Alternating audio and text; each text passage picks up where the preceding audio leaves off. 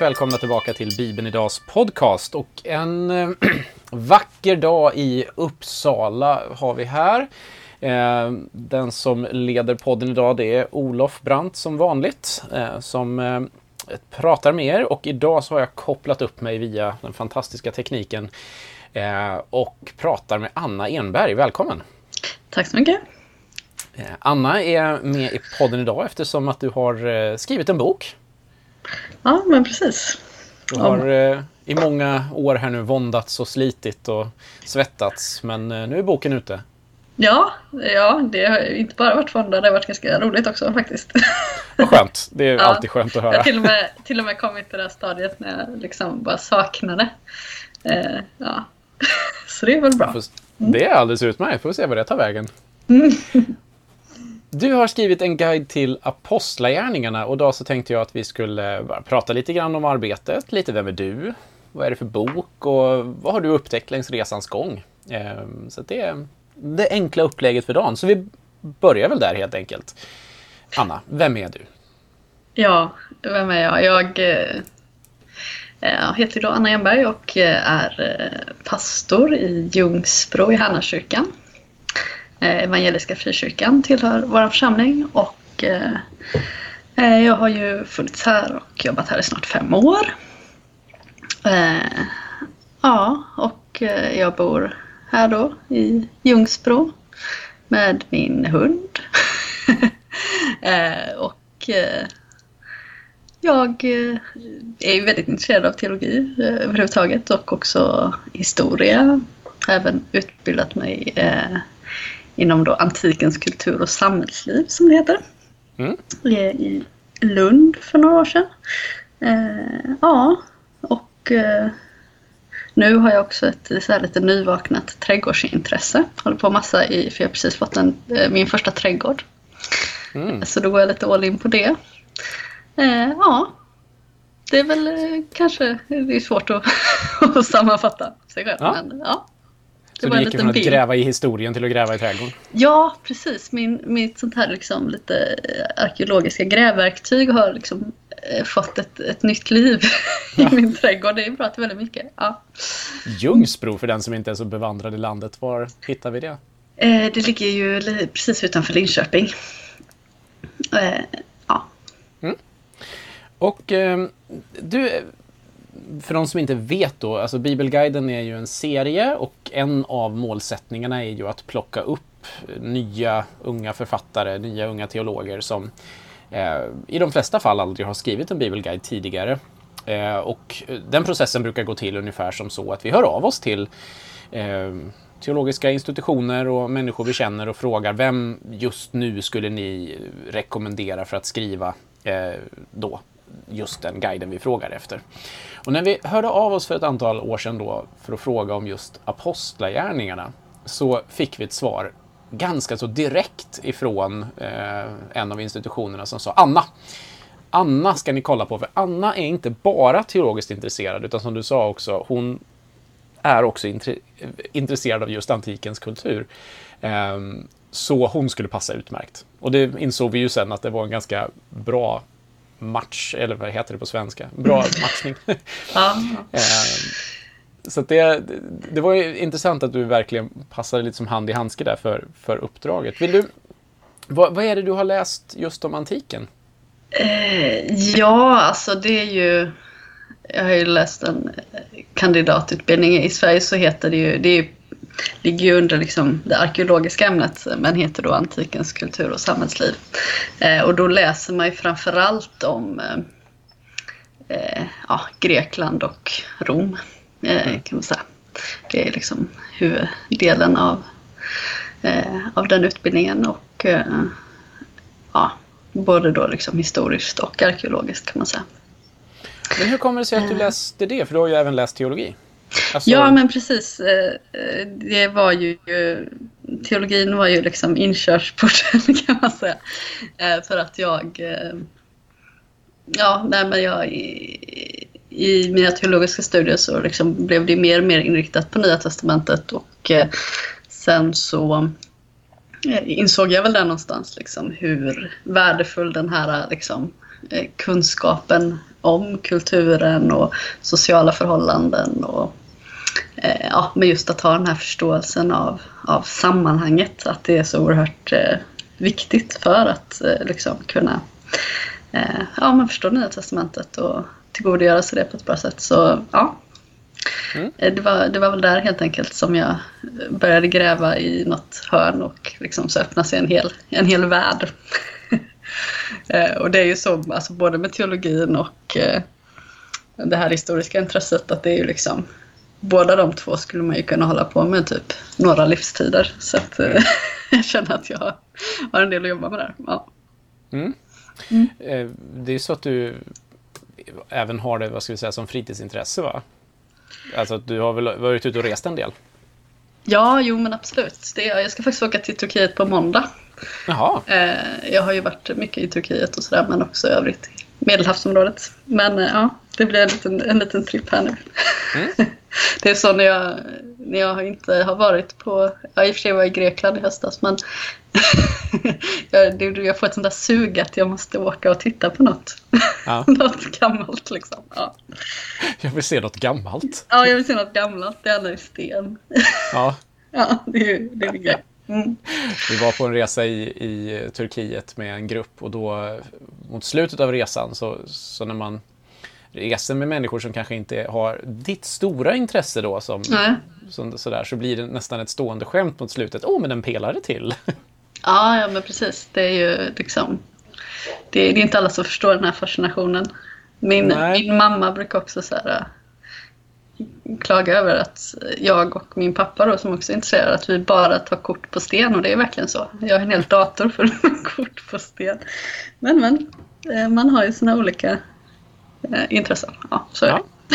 Men vad är det just med vad är det med det som du fascineras av när du då kommer ner till Turkiet eller Grekland eller vart du åker och så hamnar du framför en, en sten som... Jag menar om man inte åker till de största arkeologiska platserna, jag menar de flesta tror jag fångas av Efesos till exempel, där man verkligen kan gå på gatorna och en, de mm. har ju ställt upp en del så man kan verkligen få en känsla av platsen. Men ibland när man är ute och åker så kommer man ju till ställen där där det mer eller mindre ligger några stenar utspridda och så står det en informationstavla som säger här låg det en större stad förr i tiden.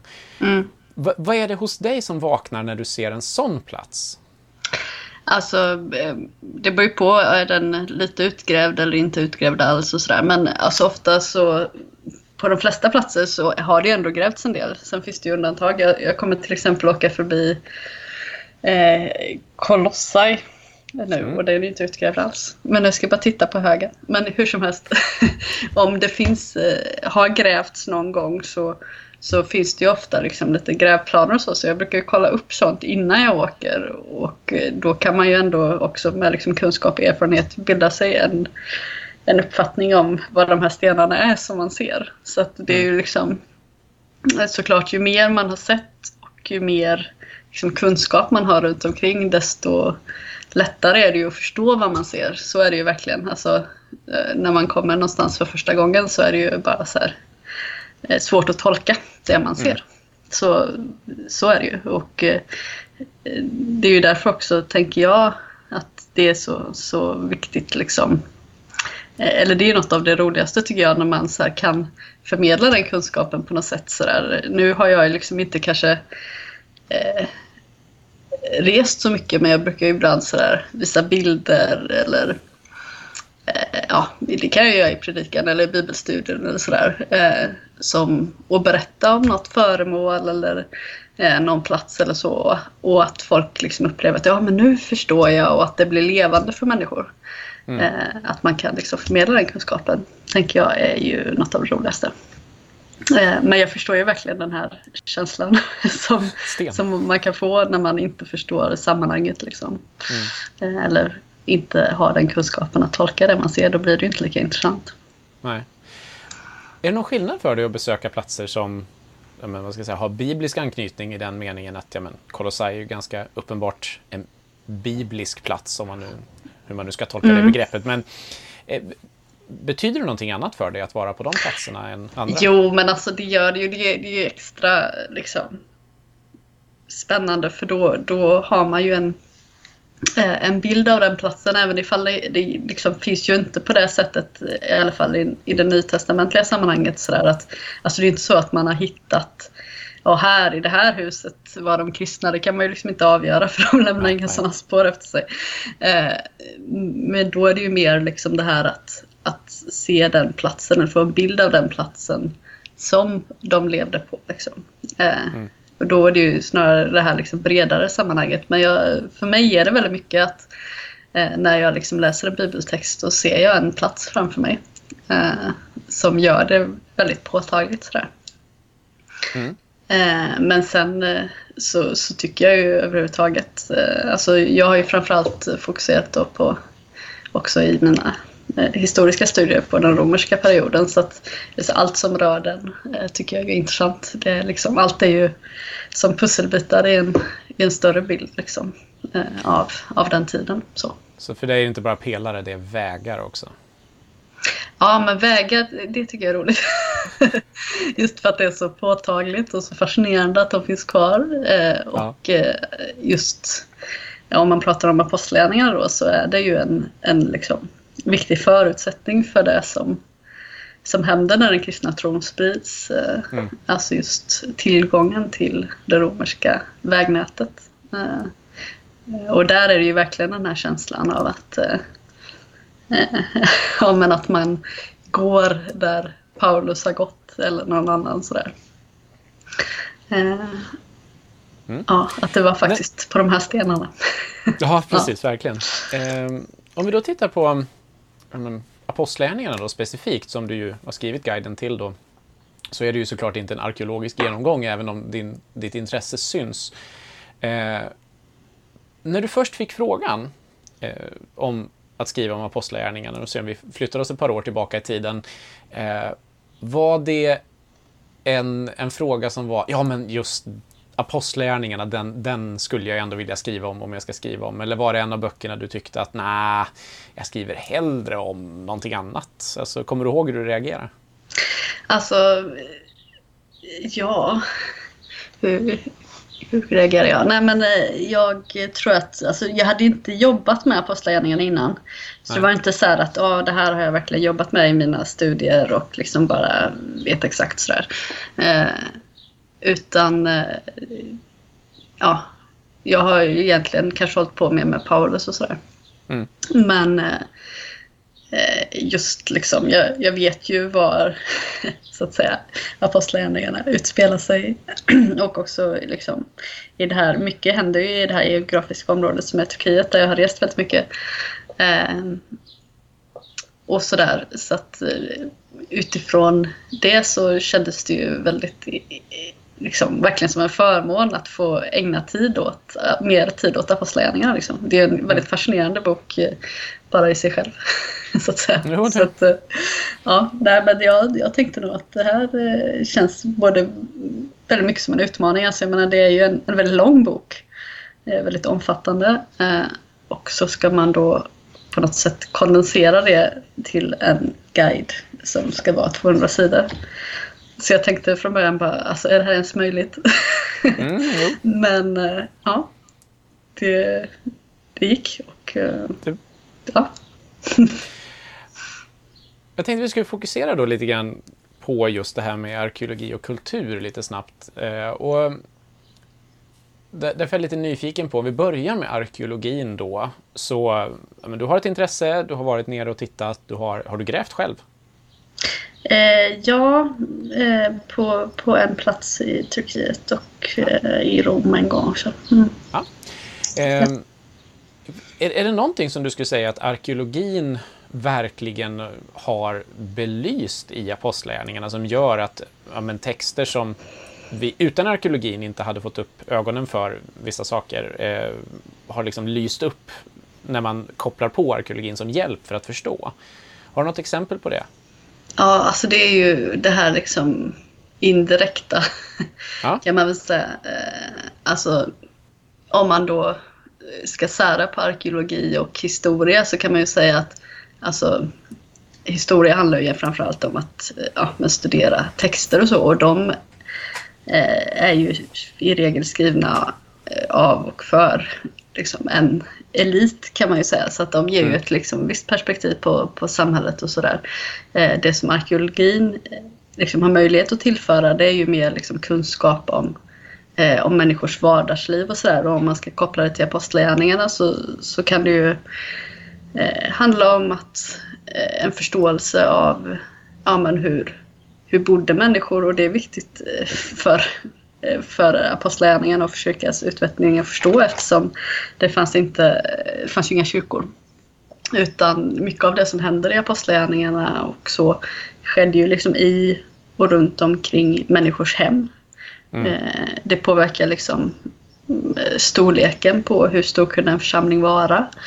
Eh, Ja, men det kanske rör sig om, om mellan 20 och 40 personer och eh, hur fungerade den här missionsrörelsen? Alltså om man ska försöka leva sig in i det så har ju också hemmen liksom som en fysisk plats en stor betydelse för, för den utvecklingen och sådär. Så att det är väl just eh, ja, det är ett exempel på hur arkeologin indirekt kan ge oss en större bild av eh, ja, men det som beskrivs i Apostlagärningarna. Mm. Eh, ja. Om, om man då tittar sen, du har läst antikens, vad sa du, kultur och samhällsliv. Mm. Om man tittar på kulturen då, alltså det, en, en av utmaningen för de flesta bibelläsare tror jag är ju just det här att ja, men det här skrivs i en annan kultur för 2000 år sedan som är annorlunda än vår, helt enkelt. Eh, är- om, om du, om man ska hålla en föreläsning i, så här är de tre viktigaste punkterna för hur antikens kultur är annorlunda än vår och det man liksom behöver få upp ögonen för som bibelläsare. Eh, har du något exempel på vad du skulle lyfta fram då? Vad är det som kraftigt skiljer sig, eller tydligt skiljer sig i alla fall, som gör att okej, vi kanske missförstår vissa saker för att vi inte lever i en likadan kultur? Mm. Eh, oj, ja, om man ska tänka generellt så det första som, som jag tänker på det är ju just det här eh, med eh, vad ska man säga, social status och hierarkier och sådär som var väldigt viktigt eh, i den kulturen. Eh, Ja. att, eh, alltså då har man ju, ju allt från liksom kanske välbärgade personer till slavar och så har man barn och så har man kvinnor och så eh, män liksom som finns i en, en väldigt tydlig eh, hierarki där eh, man också har sina tydliga roller att leva upp till. Eh, och det är ju någonting att, att ha med i åtanke. Sen är ju apostlagärningarna väldigt intressant på det sättet. Jag skriver ju om det i mitt eh, inledningskapitel att eh, det visar sig ganska snart i apostlagärningarna att eh, det finns eh, ja, det händer någonting med de där strukturerna också i mötet med evangeliet. Eh, vi har många kvinnor som nämns i apostlagärningarna. Eh, och det är ju allt från de här liksom högstående personerna till ja, men enklare personer som kommer till tro. Och sen så har vi också hela den här eh, biten då om man liksom inte talar om den här generella kulturen i antiken. Det finns ju också en stor skillnad mellan, mellan olika grupper. Det tydligaste i, i Apostlagärningarna och Nya Testamentet överhuvudtaget är ju liksom just den här skillnaden mellan hedningarna och judarna. Mm. Eh, Där man ju också får göra en, liksom, en åtskillnad eh, kring hur deras kultur såg ut och, och fungerade. Eh, och det visar sig också i Apostlagärningarna, just de här skillnaderna eh, mellan, mellan judar och hedningar och hur det eh, alltså påverkar eh, hur församlingen fungerar och eh, också skapar vissa problem och utmaningar eh, i det som vi kanske skulle kalla då kulturkrockar. Ja. Eh, Så att det, ja, på det sättet så, så finns det ju vissa drag som man kan säga att ja, men i antiken var det annorlunda på det här sättet. Men det finns ju också skillnader eh, mellan kulturer som förekom i antiken. Så kan, så kan man Mm. säga. Ja. Jag vet inte om det var ett bra svar på frågan. Men det är så stora frågor så man vet inte vilken ände man ska börja. Nej, men precis. Eh, Men, men jag tror att där är ju en... På vilket sätt då, om man tar den frågan ett snäpp vidare, om jag sätter mig ner och läser Apostlagärningarna, eh, så tänker jag att den, det som vi som rörelse mycket är ute efter är just det, men okej, okay, hur, hur tar jag nu apostlagärningarna och gör någonting av, av läsningen med apostlagärningarna i min vardag? Eh, mm. tänker du att det finns någonting här med, med just kulturskillnader som gör att eh, det blir svårt att ta det till sin vardag eller någonting som, som man behöver vara medveten om och se för att, ja men aha, okej, okay, bara jag förstår det här, då, då blir det lite lättare åtminstone. Eh, den, hierarkierna kan ju, kan ju vara en sån sak som jag tänker åtminstone avskräcker vissa och som man behöver få syn på. Ja, olika människor kan ju studsa på olika saker. Eh, mm. Men en sån där sak som kan vara eh, kanske svår om man inte har den bakgrundsbilden, det är att förstå den här problematiken med judar och hedningar och varför det är en så stor sak för de judekristna just när, när hedningar börjar komma till tro och varför det kan skapa eh, en konflikt och så kan ju vara kanske lite svårt att förstå om man inte vet så mycket om, om den judiska tron till exempel.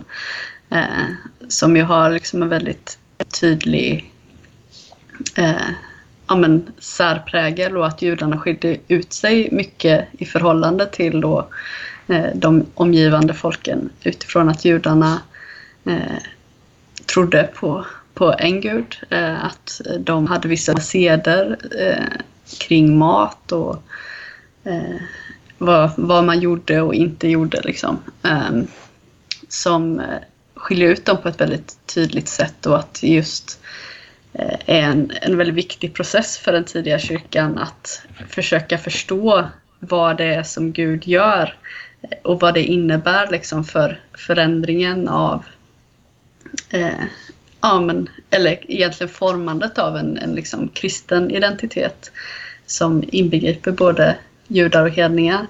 Eh, för oss, eller för en modern läsare kan det ju vara lite så här, eh, provocerande just det här att ja, men att man eh, eh, ens diskuterar frågan, ska hedningarna få vara med? Mm -hmm. eh, men det är en väldigt självklar fråga utifrån en, en judisk synvinkel och också väldigt eh, fascinerande tycker jag att, liksom, att vi får följa den processen, hur samtalet går och hur det är så tydligt också att det, det är Gud, det är anden som, som driver på den där processen och eh, ja, men helt enkelt gör församlingen, kyrkan till det som den är idag. Mm. Mångkulturell. Liksom. Det hade sett väldigt annorlunda ut om andra sidan hade vunnit. ja, men precis. Verkligen. Och eh, sen tänker jag att alltså just eh, det där samtalet, det är ju någonting som vi verkligen kan dra nytta av i en tid liksom, där eh, ja, men motsättningar mot olika grupper och så kan växa och vi, vi ser också att det finns liksom eh, i Sverige också kanske nyvaknad liksom nationalism och sådär. Eh, just där tänker jag att, att apostlagärningarna också kan ju vara ett, en grund för ett väldigt intressant samtal kring det. Eh, mm. Vad det innebär att vara en mångkulturell församling. Mm. Eh, så att, eh, ja. Å ena sidan så, så kan det vara eh, ja, men svårt att liksom förstå vad det är som, som händer här om man inte har bakgrunden. Eh, men å andra sidan så är det så häftigt att, att det beskrivs, att vi får följa den där processen. Eh, det är ju någonting som jag också liksom gärna betonar när, när det gäller apostlagärningarna att det är inte så tillrättalagt som vi kanske skulle kunna förvänta oss.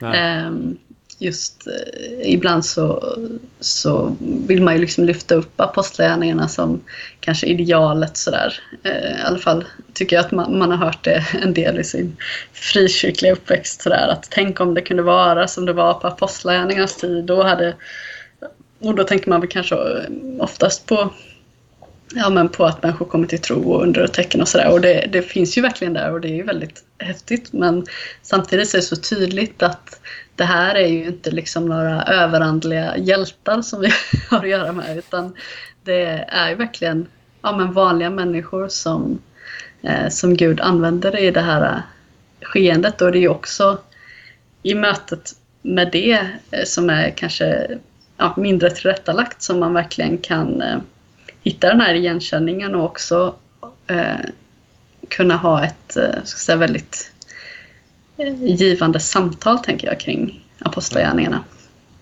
Och, och hur det liksom utmanar oss att ta tag i, i, i de saker som vi ställs inför som, som församling idag.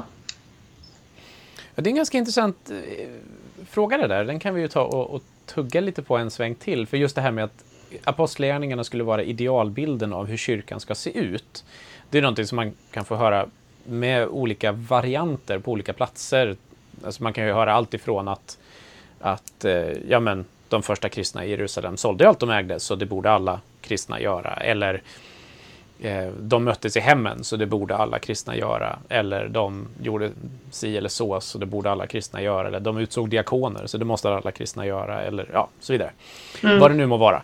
Eh, olika riktningar har valt olika saker ur apostlagärningarna som blir idealbilder. Alltså, hur ser du på, på apostlagärningarna och den första kristna tiden utifrån just idealbildperspektivet? Det är ju det är vanliga människor och de misslyckas och, och, och, så vidare såklart. Men hur mycket ska vi lyfta över in i 2018 och, och säga att det här är faktiskt en idealbild som vi skulle försöka leva efter? Hur tänker du i, i, där? Eh, alltså, jag tänker att man måste ju kanske backa ett steg där och fråga sig, alltså vad är det som ja, är då Lukas som tänker sig att Lukas skrev Apostlagärningarna. Mm. Eh, vad är det som han vill liksom beskriva eller förmedla? Är det en, ska jag säga, en beskrivning av hur man ska vara församling till exempel? Mm. Är det liksom det han vill beskriva? Eh, det tror inte jag egentligen utan det, hans huvudärende handlar ju om eh, om någonting annat. Det handlar ju om framförallt evangeliet egentligen.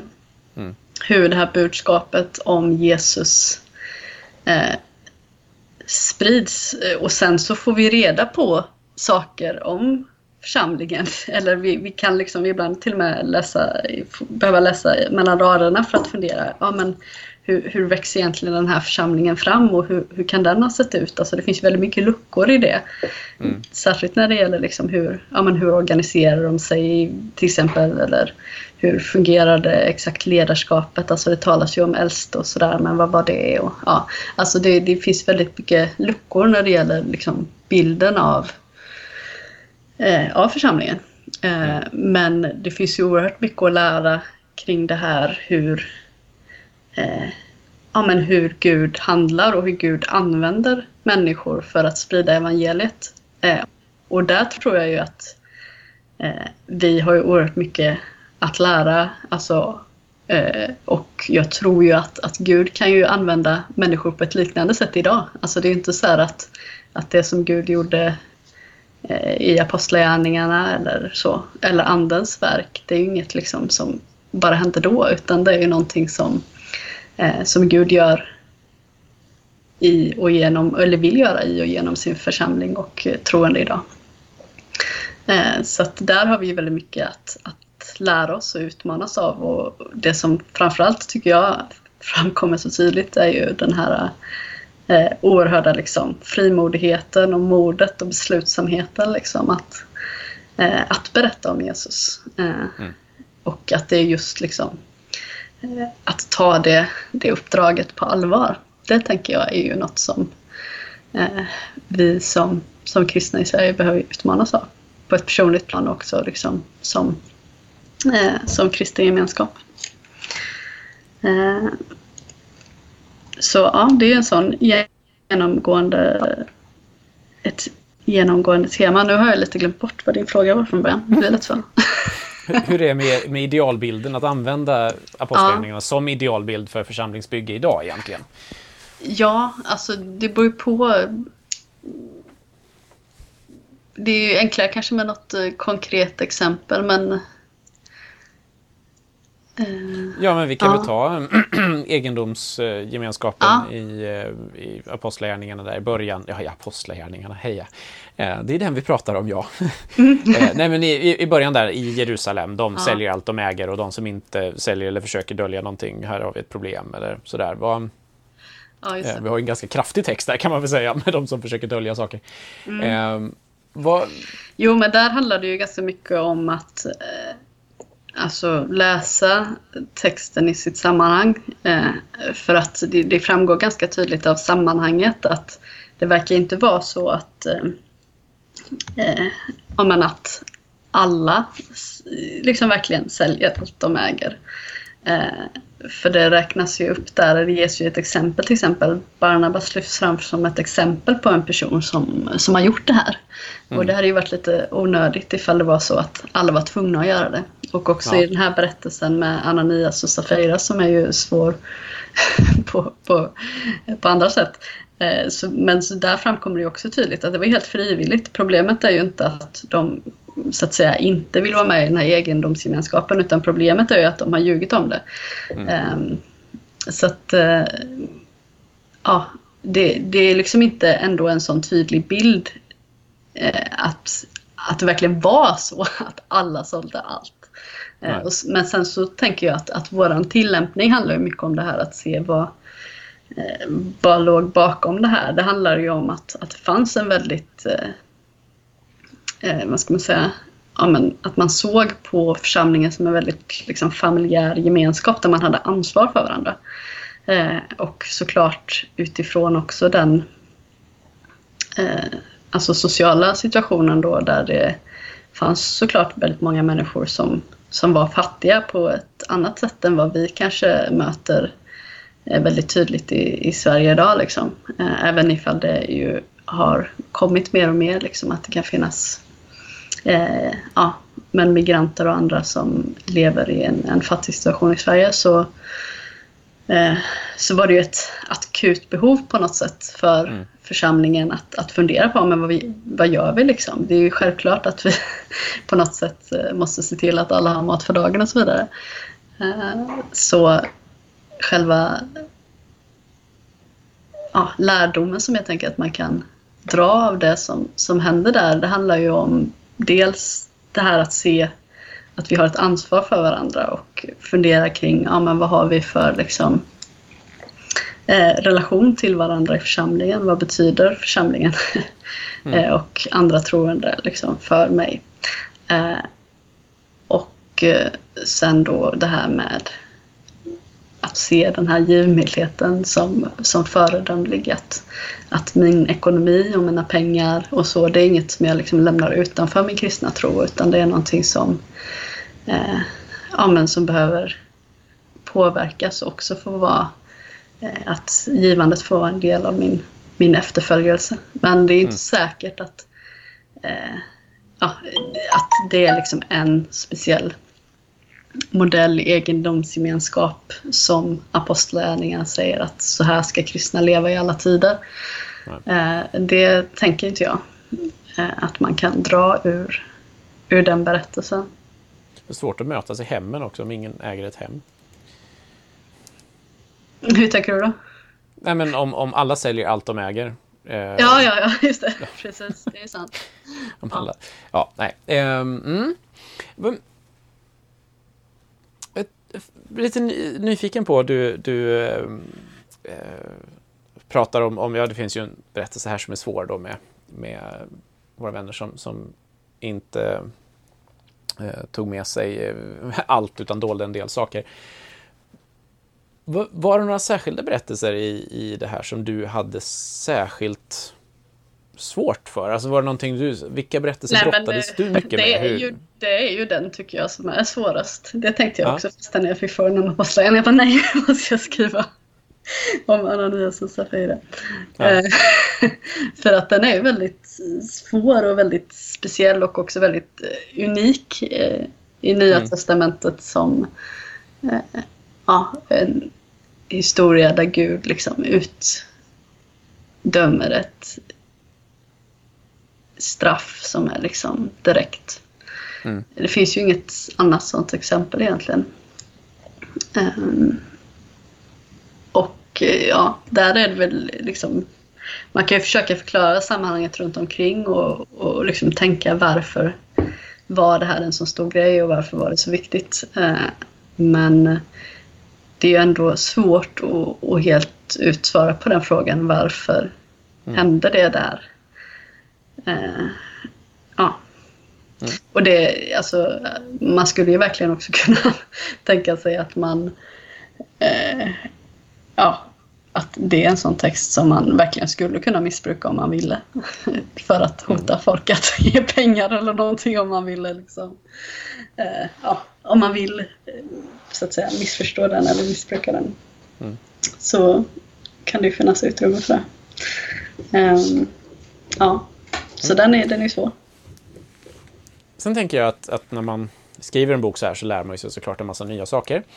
Men eh, hade du någon sån här aha-upplevelse när, i, i arbetet där du tänkte oj, ja men det här har jag verkligen inte fått syn på tidigare som du vill dela med dig? Eh, alltså det har man ju hela tiden. Någon särskild? Ja, en sån där som ja. du kommer ihåg att ja, oj, det här har jag inte jag sett. Jag, jag vet inte om, jag, ja, om man kallar det aha-upplevelse men alltså någonting som, som jag tycker är väldigt talande. Eh, ja. Eller som en, en röd tråd. Och som jag också tänker utmanar oss väldigt mycket som kristna i Sverige idag. Det är ju just det här förhållandet till, eh, till gemenskapen. Och just mm. att vi kanske eh, har ju en tendens att, att gärna vilja ja, men lyfta fram Alltså vi tänker ofta Apostlagärningarna som eh, boken som handlar om Paulus, den här hjälten, supermissionären. Sådär. Mm. Eh, men eh, att i, i min läsning av Apostlagärningarna så blir det så tydligt liksom att det här är inte hjältarnas berättelse på det sättet utan det är den kristna gemenskapens berättelse. Eh, och hur oerhört liksom, viktig den kristna gemenskapen är för, för det kristna livet och för att kunna ja, men då, leva ett, ett missionellt liv. Eh, vi överhuvudtaget tänker ju ofta ganska mycket, vi, vi fostrade att tänka individualistiskt liksom. Mm. Eh, och det ställer ju ofta till oss, ställer till det för oss kanske när vi eh, ja, ska leva som kristna överhuvudtaget. Att, att det var så självklart eh, att gemenskapen hade en så stor betydelse och att det egentligen eh, utan den här gemenskapen aldrig hade fungerat. Det hade aldrig gått. Mm. Eh, människor hade aldrig liksom eh, kunnat föra tron vidare. Människor hade inte kunnat ta till sig den, hade inte kunnat växa i lärjungaskap och så vidare. Eh, så det är så oerhört centralt. Eh, och idag så, så glömmer vi lätt bort det. Liksom. Eh, så, men det finns där hela tiden som en, som en röd tråd att det här är, sker genom de här församlingsgemenskaperna.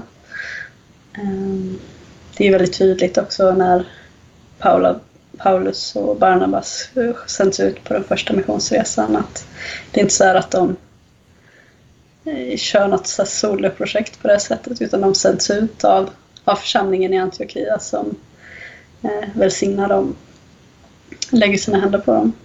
Eh, det är liksom församlingens eh, projekt. Mm. Mm. Mm. Nu ska du få vara spontan. Nu, nu, nu eh, bestämde vi plötsligt här att vi ska ta med oss en eh, grupp ur, eh, ur en församling och vi ska åka på resa ner till Turkiet och vi tar med oss dig som guide. Eh, och du får lägga upp vi, vi vill ha en resa inspirerad av apostlagärningarna.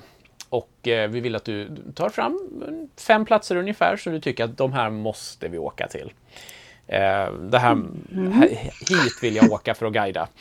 Eh, och, och, berätta, för, för, att måla bilden av eh, antikens kultur och samhällsliv kom tillsammans med apostlagärningarna och Bibeln så att säga. Eh, vad, nämn ett par platser, var, var skulle vi resa? Eh. Strunta i hur svårt det är att ta sig nu. Ja, ja, ja. Det struntar vi helt i. Eh, ja, men eh, man kan ju tänka sig att man reser till om man ska ta någon slags eh, kronologisk ordning, eh, att man reser till eh, Paulus hemstad, Mm. Tarsus, där han ju både då kommer ifrån men också spenderar en hel del tid efter sin, eh, sin omvändelse. Bortglömd tidsperiod. Vad sa du? Det är lite av en bortglömd tidsperiod i Apostlagärningarna. Jo, jo, det kan man säga. Eh, men det är ändå, den kan man ju ändå ha som någon slags utgångspunkt. så.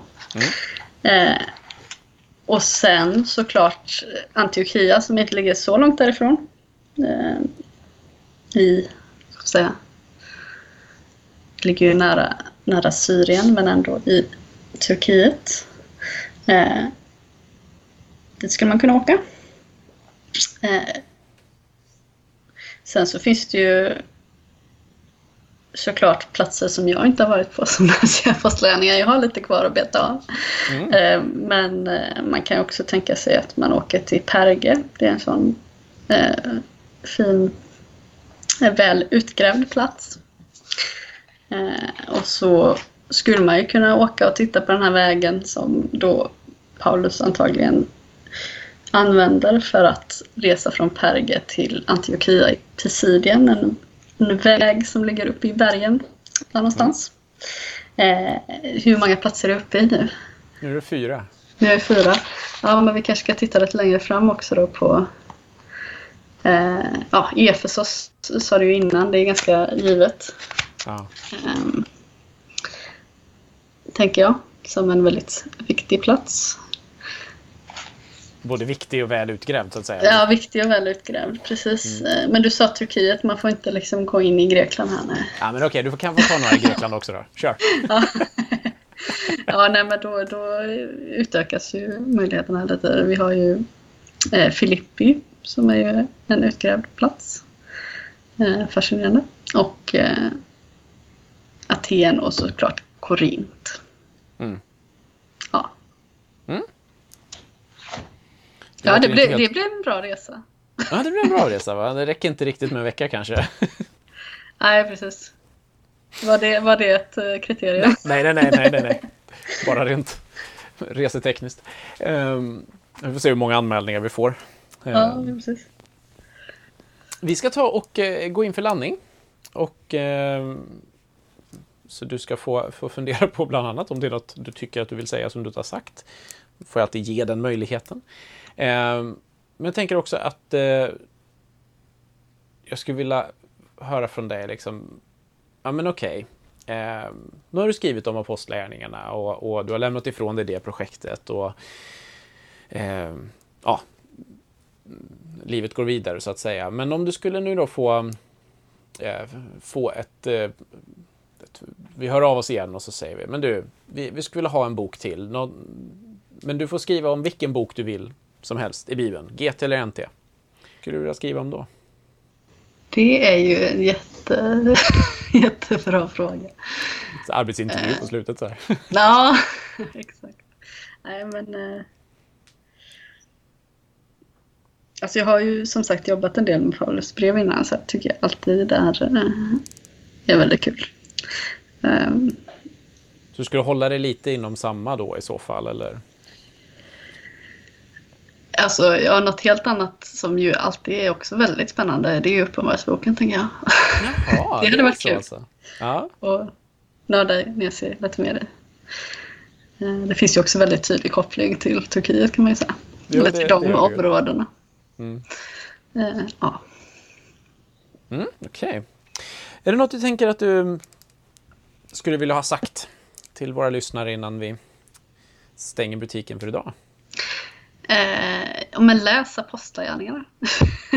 alltså det är ju speciellt, eh, det är ju liksom, den här bibelguiden är ju eh, inte en bok som man läser eh, för sin egen skull så att säga, utan det handlar ju om att, att få hjälp att läsa Apostlagärningarna. Så det är Mm. Apostlagärningarna som är den stora grejen och så kan man, kan man ta hjälp av min bok eh, och eh, upptäcka just det här att nej, men det är så oerhört fascinerande och eh, Eh, liksom följa det som händer i apostlagärningarna och sen liksom bolla de här frågorna tillbaka till, till sitt eget liv, till vår tid. Alltså det finns ju så många spännande frågeställningar. Eh, och eh, om man vill ta det här på allvar, att fundera över alltså hur, eh, hur eh, kan man leva, ja nu använder jag modordet missionell, men hur kan man leva missionellt som församling, som lärjunge till Jesus, vad, vad innebär det?